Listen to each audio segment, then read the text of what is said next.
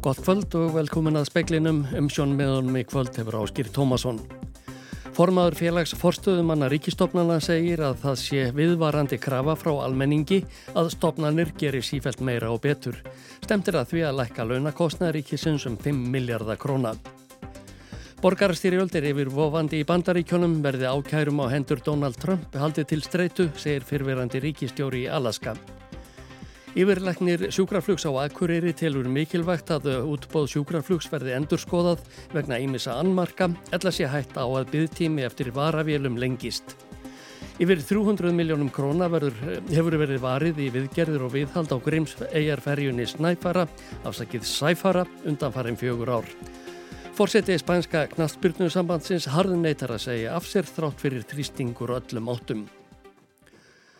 Formaður félagsforstöðumanna ríkistofnana segir að almennt sé gerð krafa um hraðari og skjótari þjónustu hins opimbera. Því geti verið snúið að fækka starfsmönnum. Ríkistjórnin bóðar lækkun á launakostnaði. Forstöðumönnum ríkistofnuna var kynnt fyrir hug lækkun í gæri en fjármálar á þeirra kynnti í dag stöðu og áherslu í ríkisfjármálum. Helga Þóristóttir, formaði félagsforstöðumanna ríkistofnuna, telur að það eigi að vera samstilt verkefni að lækka launakostnað. Í grunninn að þá er fórstumenn ekki á móti breytingum, alls ekki og það getur oft verið tækifæri í breytingum en við höfum greiðilega mörg dæmi um það hvernig breytingar hafa átt sér stað og hvernig hefðum átt hugsaðar betur. Helga segir að stofnunir ríkisins sinni mikilvægum verkefnum og það sé viðvarandi krafa að gera sífælt meira og betur og þótt hægt sé að sína fram á að í einhverjum tilfellum eigi fækka starfsmönnum þá hafi henni í gegnum tíðina freka sínst að fjölga þurri fólki til að stofnanir rýsi undir hlutverki sínu. Að á Íslandi eru samtitt lög sem að leggja á okkur skildur, þá þurfum við svona, þú veist, það er ekki bæði sleft og haldið. Saði Helga Þóristóttir, Benedikt Sigursson tók saman. Formenn tryggja stjórnarnanstöðuflokka gefa lítið fyrir þær áallanir sem fjármálar á þeirra kynnti í dag. Stjórnvald teikjast fara í 17 miljardar hagraðingu í ríkisrækstri eftir bætta afkomu ríkisjóðs. Sigmundur Davíð Gunnlaugsson, formaður miðflokksins, segir að mikið af því sem kom fram á fundinum hafi verið endurflutt efni. Hann vísar þar í sparnaráð stjórnvalda. Þetta voru opnu vinnurýning sem er margbúðatan. Þetta var aukin dafræn vinsla og almenn spartnaðar á þess að gera hagkvæmari innkaup og einhvað slíkt. Og svo einu sinni sem oftar voru skatta eða gjaldahækkanir kynntar sem spartnaður sem að segja nú sína sögum hugafarið hjá, hjá þessari ríkistöld. Kristrún Frostadóttir, formaður samfylkingarinnar, segir likil atriði núna að trúverðu stefna komi frá ríkistjórninni um hvernig eigi að vinna á verðbólkunni. Á þessum tímpunkti þá veltum maður auðvitað fyrir sér hvort að ríkistjórnin telja það í alveg tala til þess fallið að draga verðbúrgvænting og fólks að koma alltaf með sömu aðgerðina fram og hérna kynna þessum nýjúræði. Þannig að þetta dögar ekki að mínu mati og er í rauninni ekki upplegi fyrir höstu sem við þurfum. Þorgerður Katrín Gunnarsdóttir, formaður viðreysnar til að 17 miljardar hægræðing, hegi ekki eftir að breyta miklu um efnahagsástandið. Er of lítið, þetta er of seint og sérstaklega þegar við höfum það í huga að það er umtalsverð útgjaldauðekning líka bóð. Þannig að mér finnst eins og ríkistjórnin og sjálfstæðarflokkurinn sé ekki að taka alvarlega þetta funga efnahagsástand sem að núna kvílir á íslenskum heimilum. Þetta var Þorgerður Katrín Gunnarsdóttir, Ísak Rekal tók saman. Nánan verður fjallaðum afkomu ríkisjóðs síðar í speklinum. Sara Palin, fyrverandi ríkistjóri og varaforsetta efni republikanaflokksins segir borgarastyrjöld yfirvofandi í bandaríkjónum verði ákærum á hendur Donald Trump fyrverandi forsetta haldið til streitu. Trump gaf sér gær fram við yfirvöldi Georgi í bandaríkjónum þar sem hann er ákjærður fyrir að reyna að hagraða úrslitum síðustu forsettakostninga. Hún var sleft gegn tryggingu eftir um 20 mínútur í fangelsinu. Sara Palin, fyrirrandi ríkistjóri Alaska og fyrirrandi varaforsetta efni republikana, fordæmir málaregsturinn. Hún segir annað borgarastríð yfirbúandi og vísar þar til þrælastriðsins, verði ákjærunar ekki feldar niður. Þá sem standa fyrir þessari svífyrðu og skapa þetta tvöfaldar réttarkerfi vil ég spyrja, viljiði borgarastríð vegna þess að það er það sem mun gerast, saði Palin. Trump er talin langt líklegasta forsetaefni republikanaflokksins. Þegar hann gaf sér fram í gær var í fyrsta sinn í sögubandaríkjana tekin fangamind af fyrverandi bandaríkjaforseta. Frambóðin nýtti sér þetta strax og hóf sölu og varningi með myndin á. Allt með stuðningsyfirlýsingu við Trump. Ásallín Magnúsdóttir sagði frá. Fulltrúar Indósparið sjóðs funduði í vikunni með samkeppnis eftirlitinu vegna mögulegra samkeppnis brotastóru viðskiptabankana. Íslandsbanki krefst þess að fólk eigi launarekningi bankanum ef það vil kaupa gjalderi.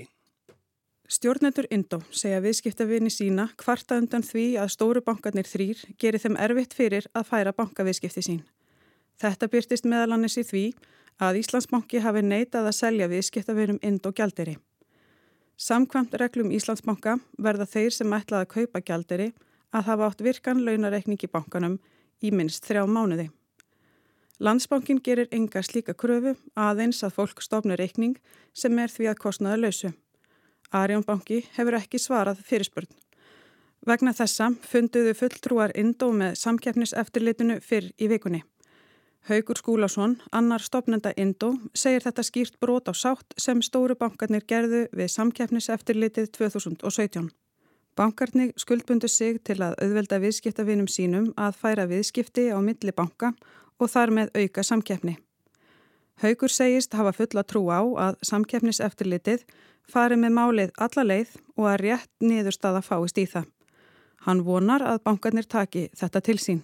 Að þeir reyna bara fagn í samkjæminni og í stað þess að reyna að neppa fólk í einhver vistarbönd að gera bara reynilega betur við sína viðskiptafinni og í stað þess að reyna að halda þeim föstum, að gera það þá frekar bara svona físilega fyrir núverandi viðskiptafinni stórubankana að halda sínu viðskiptum þar. Það er það sem samkjæminn gengur út á saði Haugur Skúlason, valgerður Greta Gröndal talaði við hann.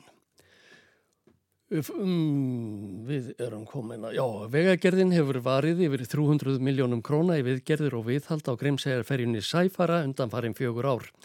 250 miljónir hafa farið í viðgerðir þar sem það afverð þessu ári. Vegagerðin segir þessa háu upphæði viðgerðir og viðhald á árinu skýrast að mestu af umfangsmeiri endurbótum sem þurfi að fara í á fimm ára fresti. Fyrir utan 2023 hafi verið varið um 20 miljónum króna í viðgerðir á skipinu á ári. Við þetta bætist svo kostnaðurinn við fleiri flugferðir og syklingar með fiskiskipum sem eru ítrekka þurft að grípa til svo fólk og vörur komist út í eigu og upp á land. Hann er erfiðar að taka saman en sem dæmi þá greiðir vegagerðin 300.000 krónur fyrir flug til og frá Grímsei með Norrland er í dag á meðan sæfari er ónótæfur. Eins hefur skipstjóri Þorleifs EA88 margsinnis flutt vörur til og frá Grímsei á árinu með tilherandi kostnaði. Grímsægingar hafa á síðustu mánuði líst óánægju sinni með sæfara sem þeim þykir bæði óáræðanlegur vegna ítrekkara bilana og óhendugur til farþegarsiglinga. Skipið er nú í slip á Akureyri þar sem það bilaði fyrr í vikunni en áallan þeirra það sigli samkvæmt áallun á sunnudag.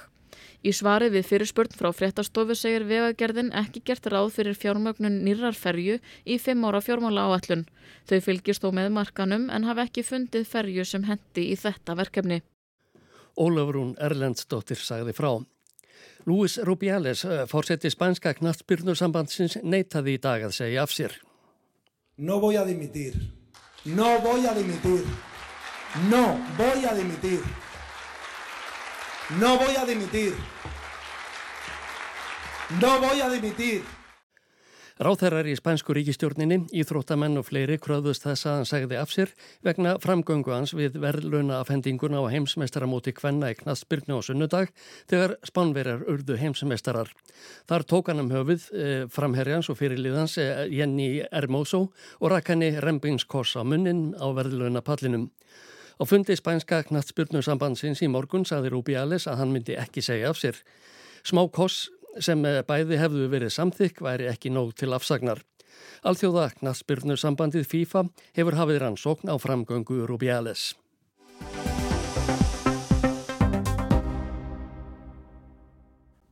Jónas Garstöri, forsættis ráþæra Noregs, fór til Kænugarðs á þjóðháttíðardegi þarlendra með F-16 orustu þóttur að gjöf.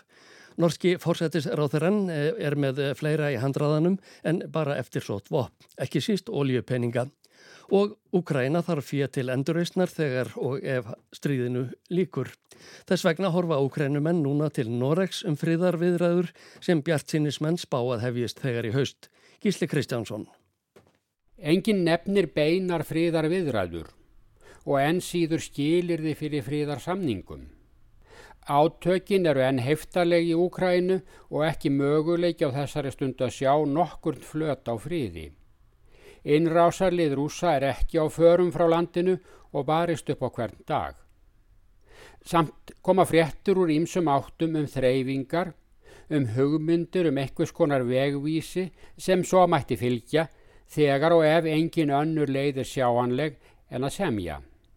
Stríðum líkur oft með samningum þar að segja ef annar aðilinn gefst ekki hreinlega upp og leggur niður vopn.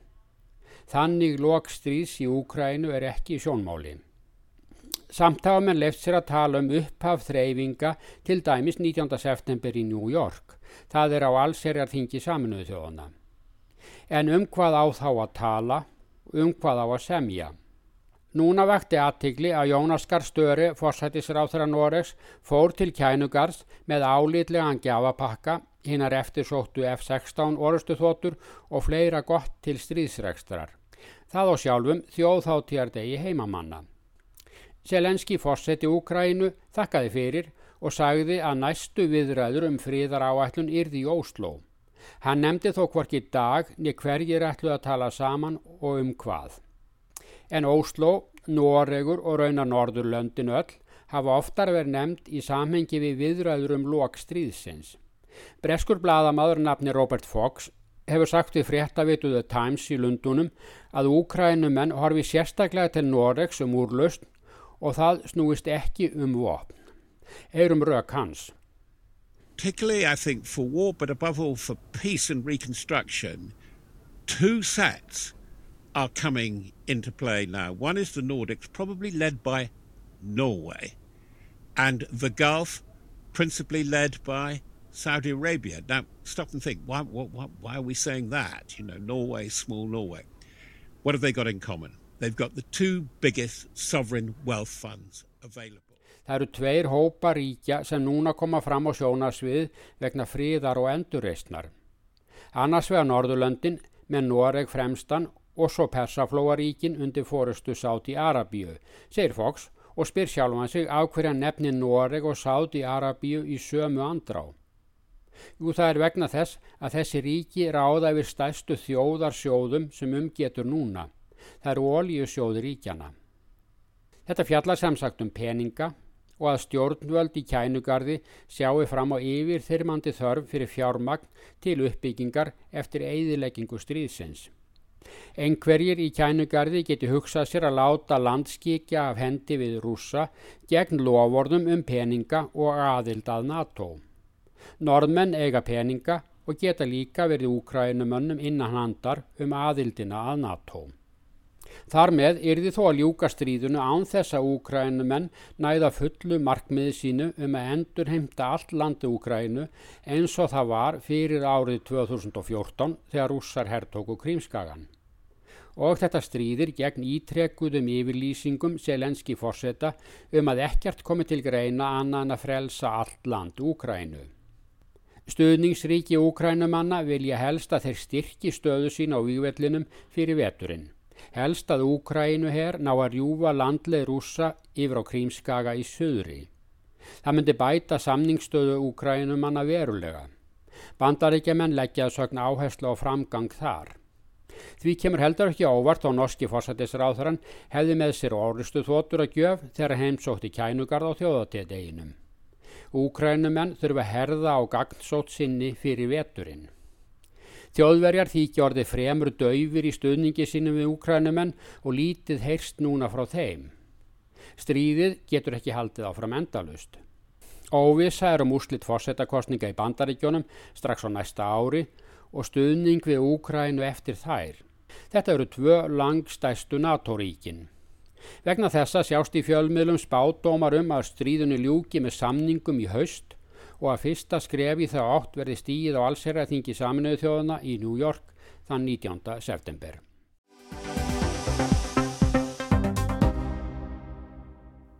Yfirlagnir sjúkraflugs á Akureyri óttast að vankantar á útbóði sjúkraflugs verði til þess að þjónustinni fari aftur.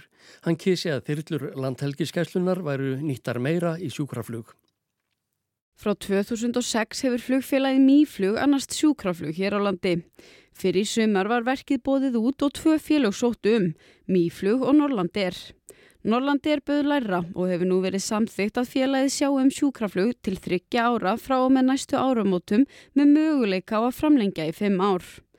Björn Gunnarsson, yfirlækni sjúkraflugs og akureyri sem situr í samrasópu um sjúkraflug, segir að búast megi við að þessi breyting hafi einhver áhrif. Mýflug er í dag með tvær vélar sem eru nánast einsbúnar og eru báða með stæðin fyrir tvo sjúklinga og þegar að, sem sagt, eh, segjum vél nummið tvö er ekki notkun þá stendur hún yfirleitt ónótuð í skíli en svo er þetta að nota hana þegar áþarf að halda. Þess samningurinn gerir hún ekki ráð fyrir því að þetta verði svona. Hann gerir ráð fyrir því að verði ein vél með teimum börustæðum sem verði alltaf í notkun og því að verði vél nummið tvö sem verði notkun þrjá samfælda virkadaga e, þá í tól tíma. Síðan þegar áþara að halda er svo sama vél notuð í sem, sagt, eh, sem varavél. En þá dagar sem hún er ekki í þessum eh, flutningum tilbaka frá landsbytala getur við sagt þá er hún í öðrum verkefnum. Þá er hún með sætum og þannig að það þarf að byrja því að fljúa henni heim takur henni sætin og setja síðan börustæði og annan búna inn í vélina. Og þetta mun náttúrulega taka miklu lengri tíma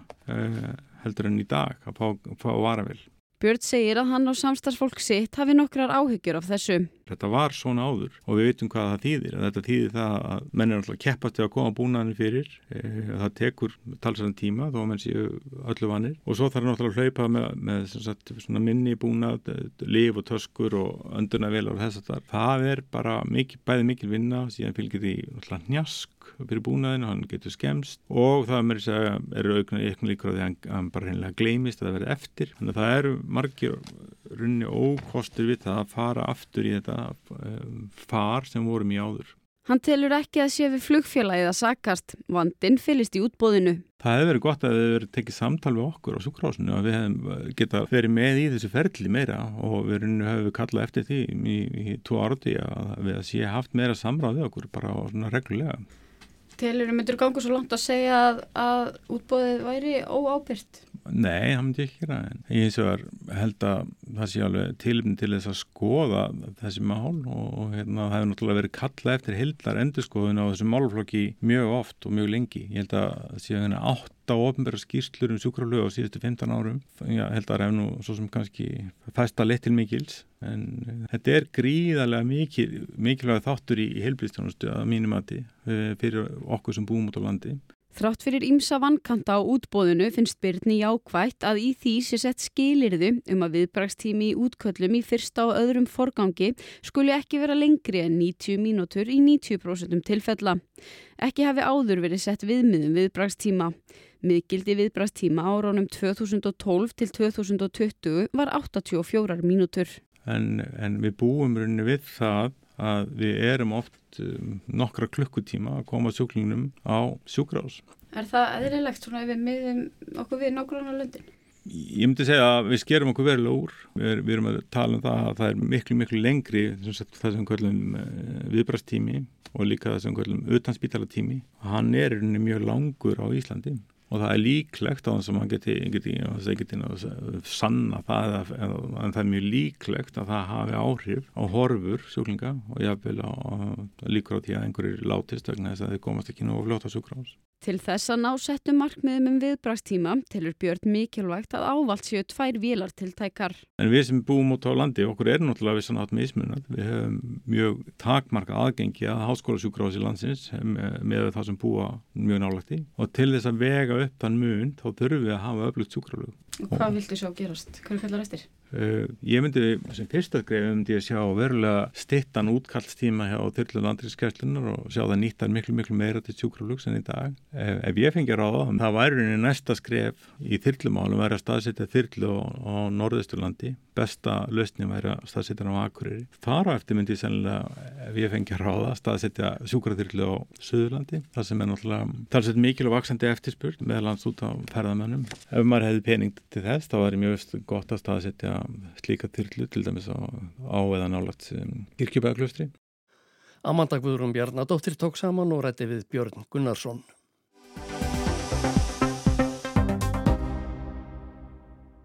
Afkoma ríkisjóðs er langt um framvæntingar og spár frá því undir áramót. Fá ríki hafa vaksið hraðar úr faraldrinum, atunleysi minnaði hefur verið í fimm ár og það vantar fólk til vinnu víða. Þetta kom fram í kynningu Bjarnar Bendiktssonar fjármálar á þeirra í morgun þar sem hann fóri við stöðuna í ríkisfjármálum. Stemt væri að því að bæta skuldastöðuna sem jógst á tímum pestarinnar og að ríkisjóður verði hallalaust 2025. Bjarni saði tekjur hefðu aukist samhliða hagvakstunum Hann nefndi til sögunar enganislu sem skilaði virðisökaskatti, fjármakstekjuskatt og að ferðarþjónstan hefði verið sterk og átt sinn þátt í því að tekjuhliðin hefði tekið við sér. Urður Örlugstóttir fréttamaður rætti við Bjarnar eftir kynningunni morgun og spurðan um gaggrinni verkalýsfórustunar sem hefur verið áberandi eftir stýrvaksta hækkun Sæðlabankars á meðugudag því haldi fram að vöxtur í ferðarþjónustunni sé komin úr böndum og vaksta hækkanir bíti þar ekki. Sko ég held að við viljum hafa öfluga ferðarþjónustu sem eina af uh, grunnstóðum atvinnlífsins á Íslandi inn í framtíðina og ættum að forðast allar svona kollsteipur fyrir þá atvinnugrein. Það sem að við ættum í mínum huga að hafa augun á er uh, framleiðnin í þeirri atvinnugrein, hvað við getum gert til þess að hámarka framleiðni. Við Íslandingar teljum okkur hafa mikla sérstöðu fyrir ferðarþjónustu og ég held að séu mikil tækifæri þar en það skiptir öllu að við byggjum upp arðbæra ferðarþjónustu á Íslandi. En þessi mikla eftirspurn eftir uh, starfskröftum sem ferðarþjónustan hefur haft, uh, hefur auðvitað haft áhrif á vinnumarkaðin og einhverju leiti er að baki uh, þeim miklu launahækkunum sem við sjáum í, í ofnbjörnum tölum í dag. En hvað á að gera til að koma til móts við þingri greiðslubyrði heimila vegna vakstahækkana? Þar segir Bjarni að verða að finna nýjan jafnvægispunkt. Það er alveg ljóst, við erum að vinna því að ná verðbólgu niður og það er, menn finna fyrir því þegar vextir hækka jafn mikið og, og raunber vitni. Eh, við erum að fylgjast mjög vel með þessum viðkvæmustu hópum og höfum uh, þegar ráðist í ímis átök, ég nefni í húsnæðismálum, við erum til dæmis að innlega núna í tveimur skrefum nýtt batnabótakerfi, uh, fleiri stuðnisaðgerðir hafa verið uh, kynnta til sögunar.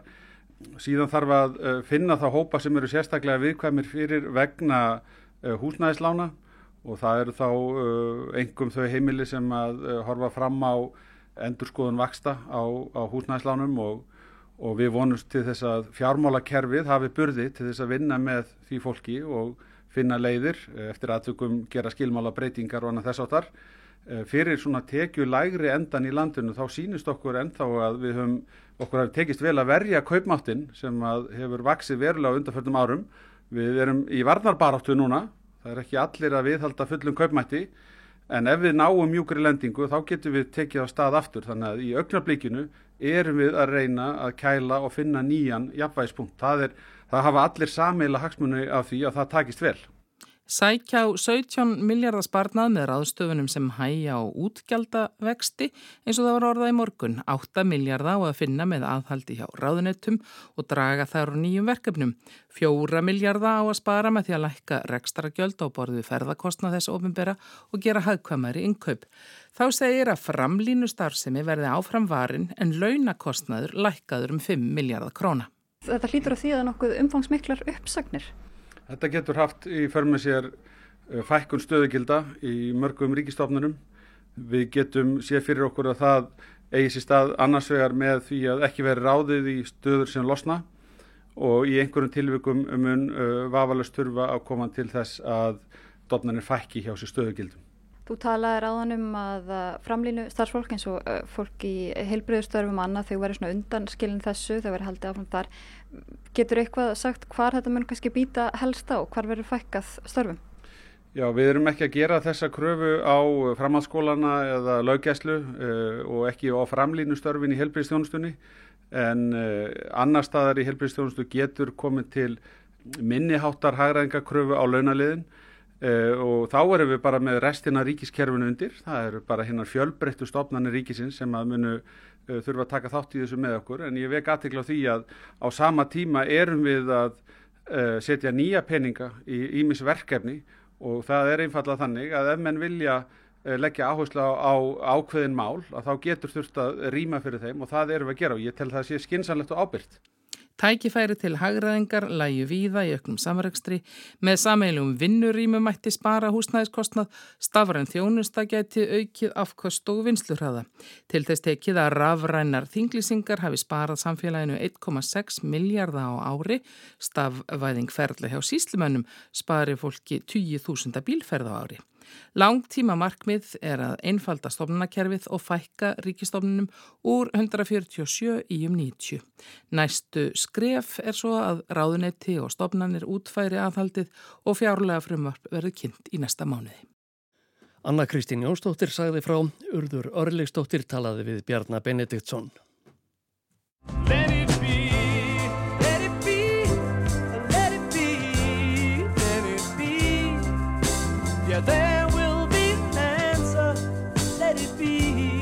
Gamalkunnugt lag sem fyrst heyrðist vorið í 1970 og hefur hljómað allar götur síðan.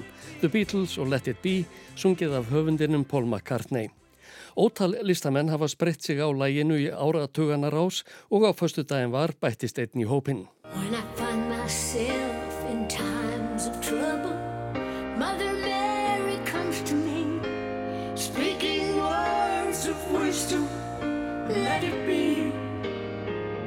Það er engin önnur en countrystjarnan Dolly Parton sem stendur að þessari nýjustu útgáfu á Let It Be. Hún er um þessar myndir að vinna að sinni 49. hljómplötu sem á að koma át í november. Þegar eru farin að hljóma nokkur lögafinni þar á meðal Let It Be. Söngkoninni var tilkynnt í fyrra vor að hún væri meðal þeirra 17 tónlistarmanna og hljómsveita sem til greina kæmi að fá sess og sæti í fræðarsal Roxins Rock'n'Roll Hall of Fame. Hún tók því fjari, enda væri hún ekki rock tónlistarmadur heldur country söngkona. Nær væri að hlaupa einhverjum að sem hefði helgað sig rockinu. Eftir umhugsun letum þó til leiðast og var formlega tekin inn í fræðarsalinn síðastliðið haust. Hún flutti þakkaræðu og hofan á orðunum, nú er ég orðin rockari. Dolly Parton let ekki þar við sitja heldur ákvaða að það var rocka feitt á næstu plötu. Hún hefur fengið titilinn Rockstar. Á henni verða 30 lög, 9 frumsamin og 21 eh, frá ymsum tímum í rocksögunni. Með listakonunni kemur fram Ara Grúi frægra gesta. Þegar tilstóðað hljóðrita Let It Be kallaði hún til höfundin Paul McCartney sem syngur með henni duett og leikur á piano. Hans gamli vopnarbróðir er Ringo Starr, lemur á Lúðvíkin, það er, spilar á trommur. Mikk Flítút, trommuleikari Flítút Mack, sér um annan áslátt og gamla rockhetjan Peter Frampton leikur á gítar. Meðal annara listamanna sem koma fram með Dolly Parton á Rockstar má nefna Sting sem syngur með henni lagið Every Breath You Take. Elton John syngur með henni Don't Let the Sun Go Down on Me og Debbie Harry syngur með í Heart of Glass. Ekki voru allar stjórnurnar sem Dolly Parton leitaði til tilkipilegar. Mick Jagger og Keith Richards vildu ekki taka meðinni lagið í Satisfaction og Robert Plant og Jimmy Page afþökkuðu að vera með í Stairway to Heaven. En þrátturir það er heil rockstjarnar hér á plutinni Rockstar og nú er bara að býða fram í november.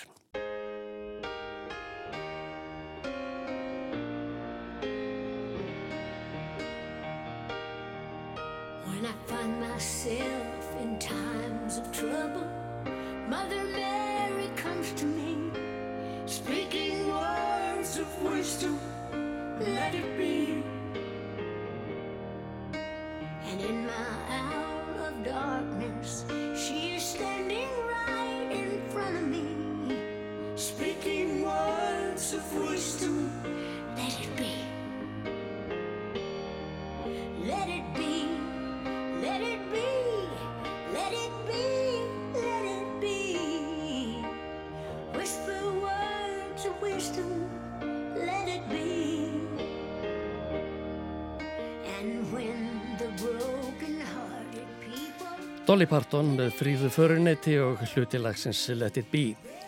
Veðurhorfur næsta sólaring, hæg breytileg átt og viða bjart viðri en sunnan 8-15 metrar á sekundu á vestanverðu landinu og rigning þar í kvöld. Hiti 13-23 stig, hlýjast norðaustanlands. Suðurlæg áttuð 5-13 á morgun, kvassast vestan og norðvestan til. Víða talsverð regning eða súlt en þurft austanlands fram á síðdegið. Hiti 12-22 stig, líast á Ísturlandi. Fleira er ekki speklinum í kvöld, tæknimaður var Mark Eldred. Fretta átsendingu stjórnaði Margret Júlia Ingimarsdóttir. Frettir verða næst sagðar í sjónvarpi og ára ást 2 klukkan 7, útvarpsfrettir klukkan 10 og frettir eru uppfærðar á vefnum allan sólarhingin. Verðið sæl og góða helgi.